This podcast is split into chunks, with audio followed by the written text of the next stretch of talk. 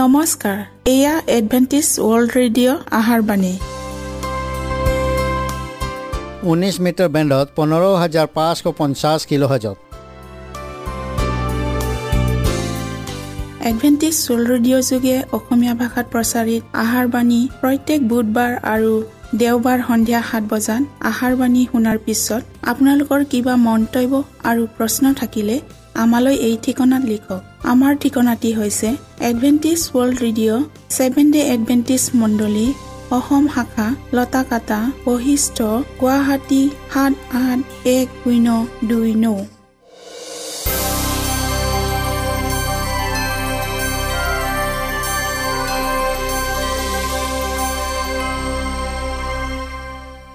প্ৰিয় শ্ৰোতা বন্ধুসকল এতিয়া শুনো আহক এটি খ্ৰীষ্টীয় ধৰ্মীয় গীত।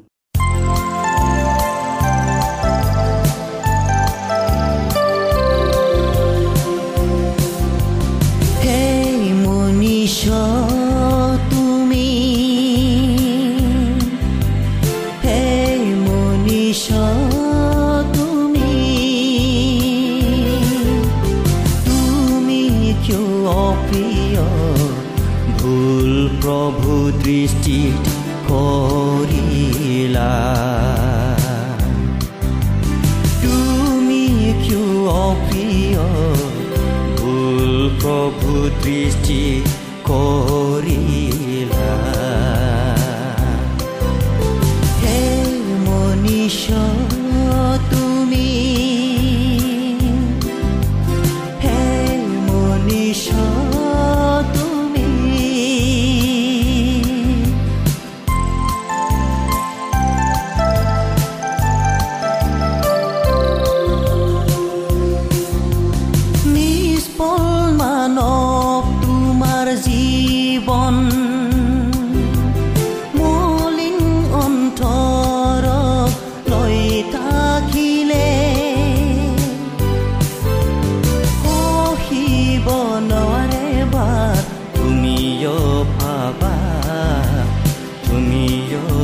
ভাবা নিষ্পল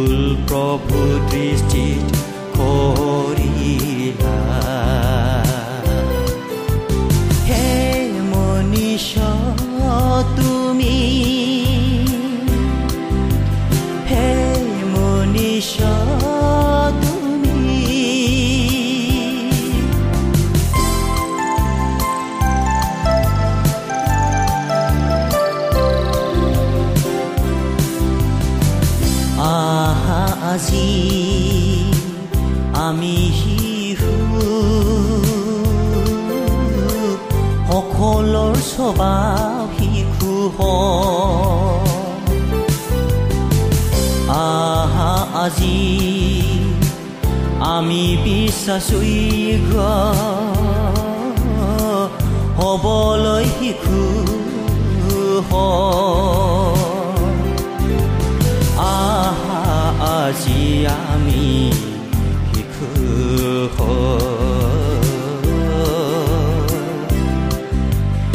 আহা আজি আমি শিশু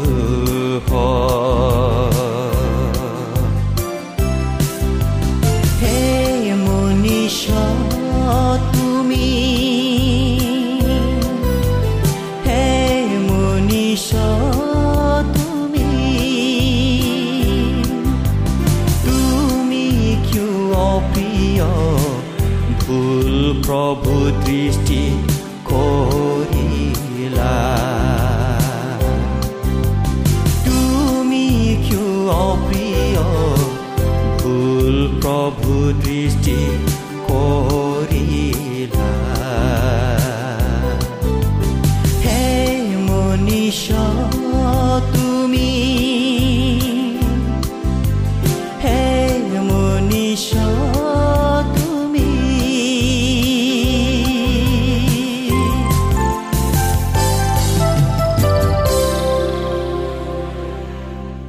প্ৰিয় শ্ৰোতা বন্ধুসকল আহক আমি খন্তেক সময় বাইবেল অধ্যয়ন কৰোঁ হওক।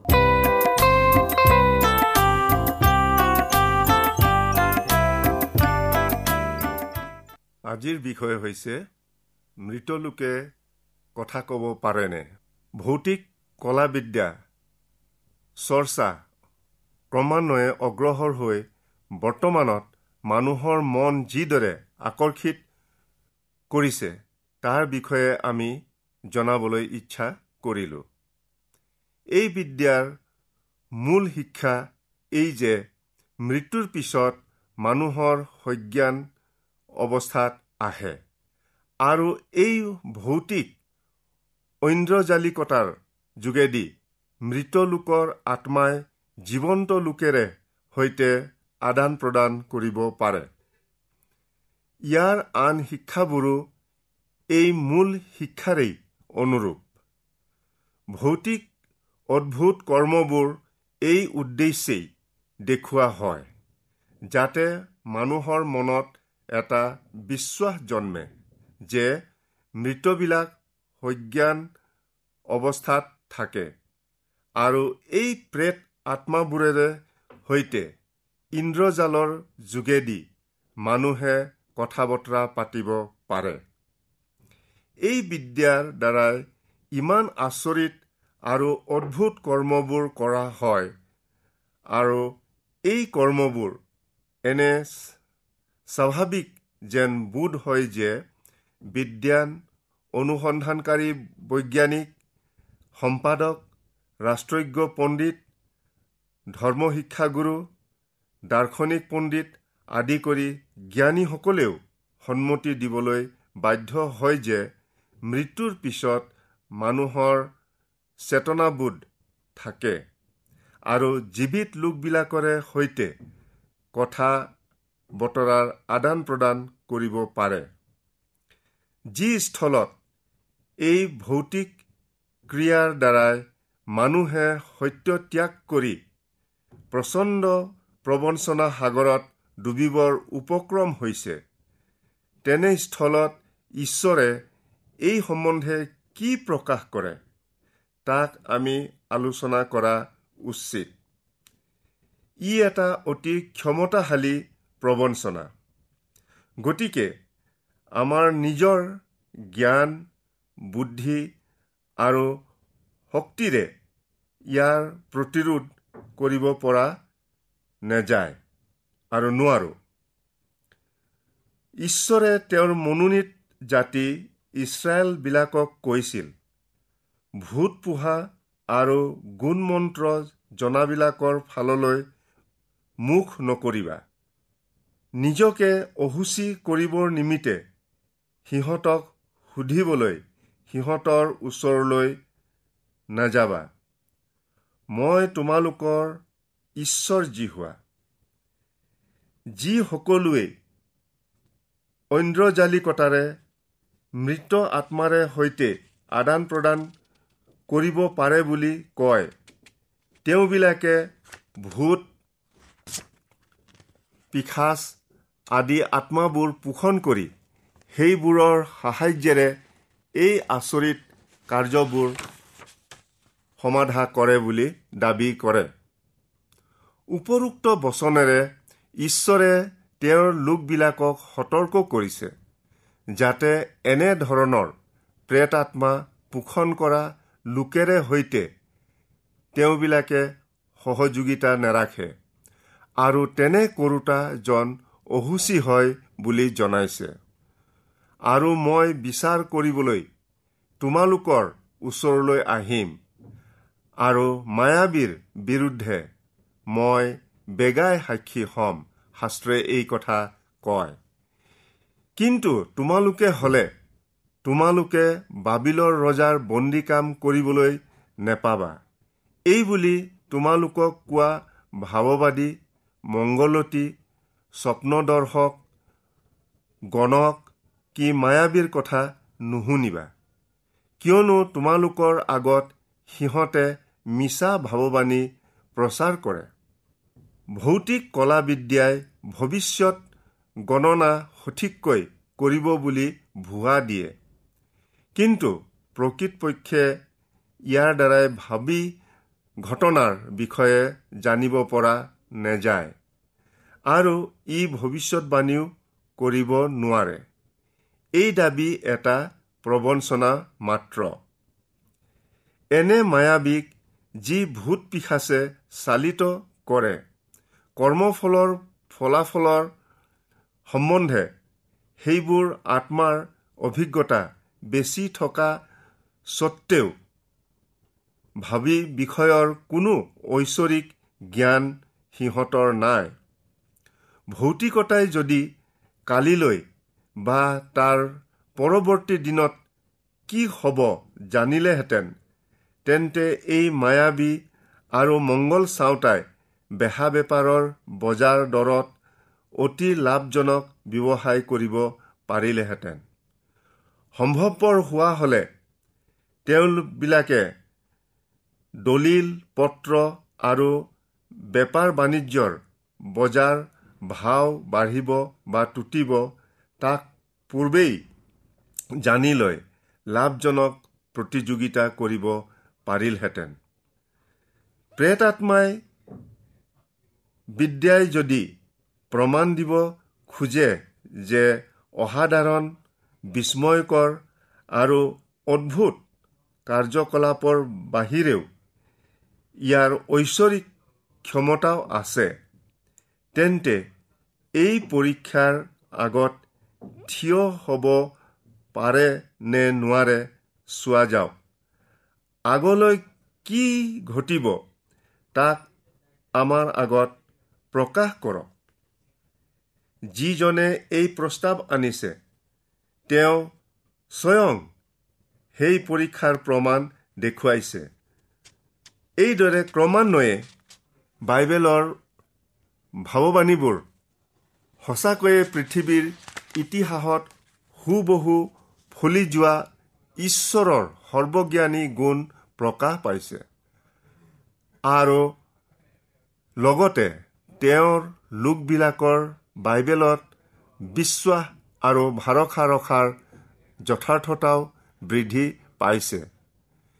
মিছৰ বাবিল তুৰ নিনবী আদি দেশ আৰু ৰাজ্যবিলাকৰ পতন ঈশ্বৰৰ ভৱিষ্যতবাণী অনুসাৰে ফলিয়ালে। এই ঘটি যোৱা সত্য ঘটনাবোৰেই খ্ৰীষ্টিয়ান বিশ্বাসৰ ভিত্তিমূল।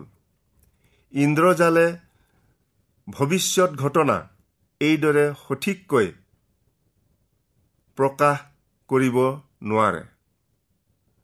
তদুপৰি ইয়াৰ যে কোনো ঐশ্বৰিক উৎপত্তি আছে তাৰো বিশ্বাসযোগ্য প্ৰমাণ দিব নোৱাৰে। ঈশ্বৰৰ বাক্য মহৎ ভাৱবাণীৰ সন্মুখত এই বিদ্যাৰ কৰ্ম তৎপৰতাৰে সাফল্যটো তুলনা কৰিব নোৱাৰি। যেনেকৈ নকল টকা এটা খাটি টকাৰ লগত তুলনা কৰিব পৰা নেযায় তেনেকৈ ভূত পোহা মানুহৰ প্ৰেত আত্মাৰ বাতৰিও ভাৱবাণীসকলৰ ভৱিষ্যতবাণীৰ সৈতে তুলনা কৰা অনুচিত। মায়াকৰ্ম ঈশ্বৰৰ দৃষ্টিত ঘৃণনীয়। পবিত্ৰ বাইবেল শাস্ত্ৰত কৈছে যি পুৰুষ কি স্ত্ৰীয়ে ভূত পুহিব বা গুণী হ'ব তাৰ প্ৰাণদণ্ড অৱশ্যে হ'ব। লোকবিলাকে সিহঁতক শিলদলিয়াই বধ কৰিব। সিহঁতৰ ৰক্তপাতৰ দুখ সিহঁতৰ গাতে থাকিব। আপোন পুঁজিক জুইৰ মাজেদি গমন কৰাওঁতা মংগল চাওঁতা গণক লক্ষণ চাওঁতা মায়াবী মন্ত্ৰ গাওঁতা ভূত পোহোতা গুণী মৰা মানুহৰ আত্মাৰ পৰামৰ্শ লওঁতা। এনে লোক তোমালোকৰ মাজত পোৱা যাব নালাগে। কিয়নো তেনেবোৰ কাৰ্য কৰা লোক জিহুৱাৰ দৃষ্টিত ঘীনলগীয়া আৰু তেনেবোৰ ঘীনলগীয়া কাৰ্যৰ কাৰণেই তোমাৰ ঈশ্বৰ জিহুৱাই সিহঁতক তোমাৰ আগৰ পৰা দূৰ কৰিব। পূৰ্বে যদি ঈশ্বৰৰ ঘীনলগীয়া আছিল তেন্তে এই ভূত আদিৰ আত্মাৰ পৰামৰ্শ লোৱাটো এতিয়াও ঈশ্বৰৰ সন্তোষজনক কাৰ্য নহয়। শাস্ত্ৰৰ নতুন নিয়মতো প্ৰেত আত্মাৰ কলাক মায়াকৰ্ম বুলি পৰিচয় পাইছে। কিন্তু মাংসৰ কাৰ্যবোৰ প্ৰকাশিত। সেয়ে ব্যবিচাৰ অহুচি কাৰ্য লম্পট আচৰণ দেৱপূজা মায়াকৰ্ম নানাবিধ শত্ৰুতা বিবাদ ঈৰ্ষা খংৰাগ বিৰোধ বিভেদ নানামত আখুৱা মত্ততা ৰং ৰস আৰু এইবোৰৰে নিচিনা আন আন কাৰ্য কৰে। এই সকলোৰ বিষয়ে যেনেকৈ মই পূৰ্বেই তোমালোকক কৈছিলোঁ তেনেকৈ এতিয়াও আগেয়ে কৈছোঁ। যিবিলাকে এনে আচৰণ কৰে সেইবিলাকে ঈশ্বৰৰ ৰাজ্যত অধিকাৰ নেপাব। জোহন পুস্তকত কৈছে কুকুৰবোৰ মায়াবীবোৰ বেবিচাৰীবোৰ নৰবদীবোৰ আৰু দেৱপূজকবোৰ আৰু মিছা কথা ভালপোৱা আৰু তাক সজা প্ৰতিজন লোক বাহিৰত থাকে। ভৌতিকতা আলোচনা কৰোঁতে আমি মনত ৰাখিব লাগে যে এই জগতত অগণন অশৰীৰী ব্যক্তি আছে যিবিলাকৰ অমানুষিক আচৰিত কাৰ্য কৰিবৰ ক্ষমতা আছে। এইবিলাক অদৃশ্য ব্যক্তি বাইবেলত ভূত বুলি পৰিচয় পাইছে। এইবিলাক অসৎ স্বভাৱৰ ব্যক্তি আৰু ইহঁতৰ ঈশ্বৰ আৰু মানৱৰ প্ৰতি হিংসা প্ৰকৃতি থকাত মানুহৰ অনিষ্ট সাধনত আৰু ঈশ্বৰৰ মহিমা প্ৰকাশত প্ৰতিৰোধ কৰিবলৈ ইহঁত সদায় উদ্যত আৰু উদ্যোগী। এই ব্যক্তিবোৰ যথেষ্ট জ্ঞানযুক্ত আৰু নিজকে অদৃশ্যভাৱে ৰাখি অন্ধকাৰ আৰু পোহৰ এই দুয়ো ঠাইতে অনায়াসে কাৰ্যৰত হ'ব পাৰে। এইবিলাকে বায়ুৰ দৰে এটা কোঠালীৰ ভিতৰলৈ আহি দ্ৰব্য বস্তু বা প্ৰাণীৰ শৰীৰত সোমাই সেইবোৰক ইচ্ছা অনুযায়ী নিজ স্বাধীন কৰি চলাই লৈ ফুৰিব পাৰে। হেজাৰ হেজাৰ বছৰ ধৰি মানুহৰ সংসৰ্গত থকা ইহঁতৰ অভিজ্ঞতা আৰু জ্ঞান বহু পুৰণিকলীয়া যুগ যুগান্তৰৰ। ইহঁতে বহুকলীয়া পুৰণি ঘটনা যিবোৰ ঘটনাৰ বিৱৰণ মানুহৰ সোঁৱৰণত নাথাকে এনে ঘটনা পুনৰুক্তি কৰে। অনুসন্ধান কৰি দেখা যায় যে এইবিলাক ঘটনাই অতীতৰ সত্য ঘটনাই। ইহঁতে নানা মূৰ্তি ধাৰণ আৰু ছদ্মবেশ ধৰিব পাৰে। মানুহৰ স্বভাৱ চৰিত্ৰ নকল কৰিব পাৰে। অধৰ্মৰ এই বৃহৎ সংঘৰ নেতাজন এসময়ৰ সৰ্গৰ ৰাজসভাৰ এজন প্ৰধান সভ্য আছিল। কিন্তু এতিয়া মানুহক প্ৰবঞ্চনা কৰি সৰ্বনাশলৈ নিয়াটোৱেই তাৰ প্ৰধান লক্ষ্য। আজিলৈকে এটাও অধৰ্মিক ইহঁতে পাপৰ ক্ষমা পোৱাবলৈ খ্ৰীষ্টীয়ৰ গুৰিলৈ নিয়া নাই। ইহঁতৰ আটাইবোৰ সাক্ষ্যই ঈশ্বৰৰ বাক্যৰ বিপৰীত আৰু বিৰুদ্ধী আজিও খ্ৰীষ্টীয়ৰ প্ৰতি ইহঁতৰ ব্যৱহাৰ পূৰ্বেই থকাৰ দৰেই। হে সৰ্বোপৰি ঈশ্বৰৰ পুত্ৰ নাচৰতীয়া যীশু আপোনাৰ লগত আমাৰ কি কাম? এই ভাৱ এতিয়াও পোষণ কৰি আছে।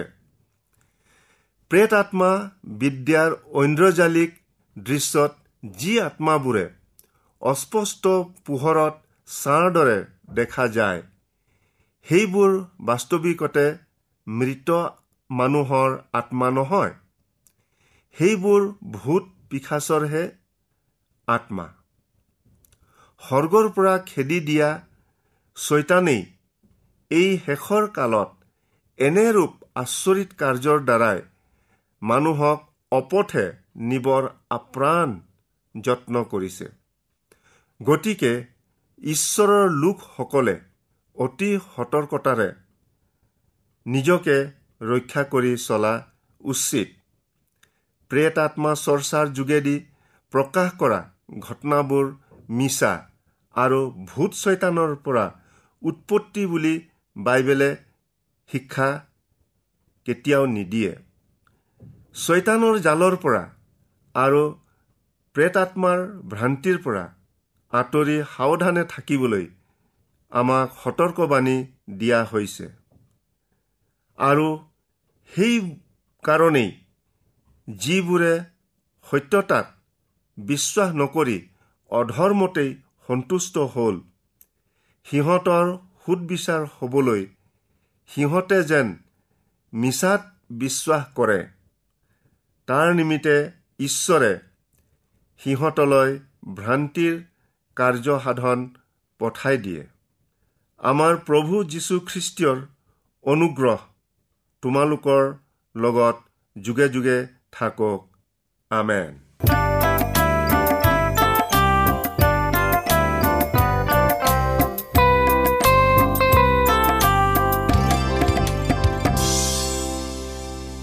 ইমানপৰে আমি বাইবেল অধ্যয়ন কৰিলোঁ। এতিয়া আকৌ শুনো আহক এটি খ্ৰীষ্টীয় ধৰ্মীয় গীত।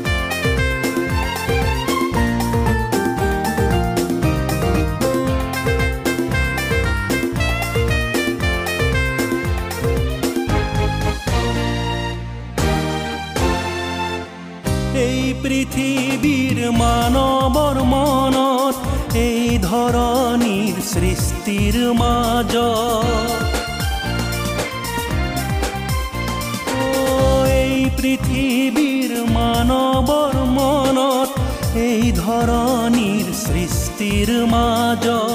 বোয়ালা প্রেমর নদী, তোমার তেজেরে।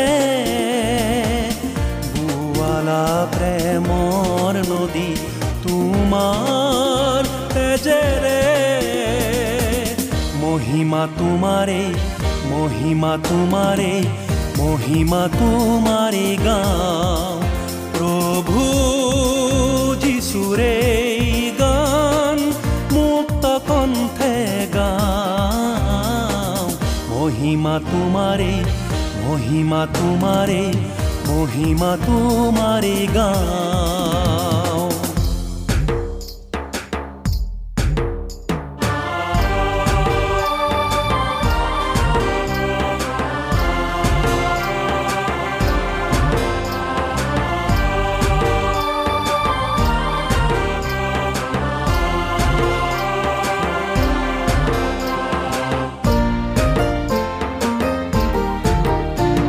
ক্ষুধাতুৰ দুখিত জন তাপিত মানৱ জাতিক মনত ৰাখিব আমাৰ ঠিকনাটি পুনৰ কৈ দিছোঁ।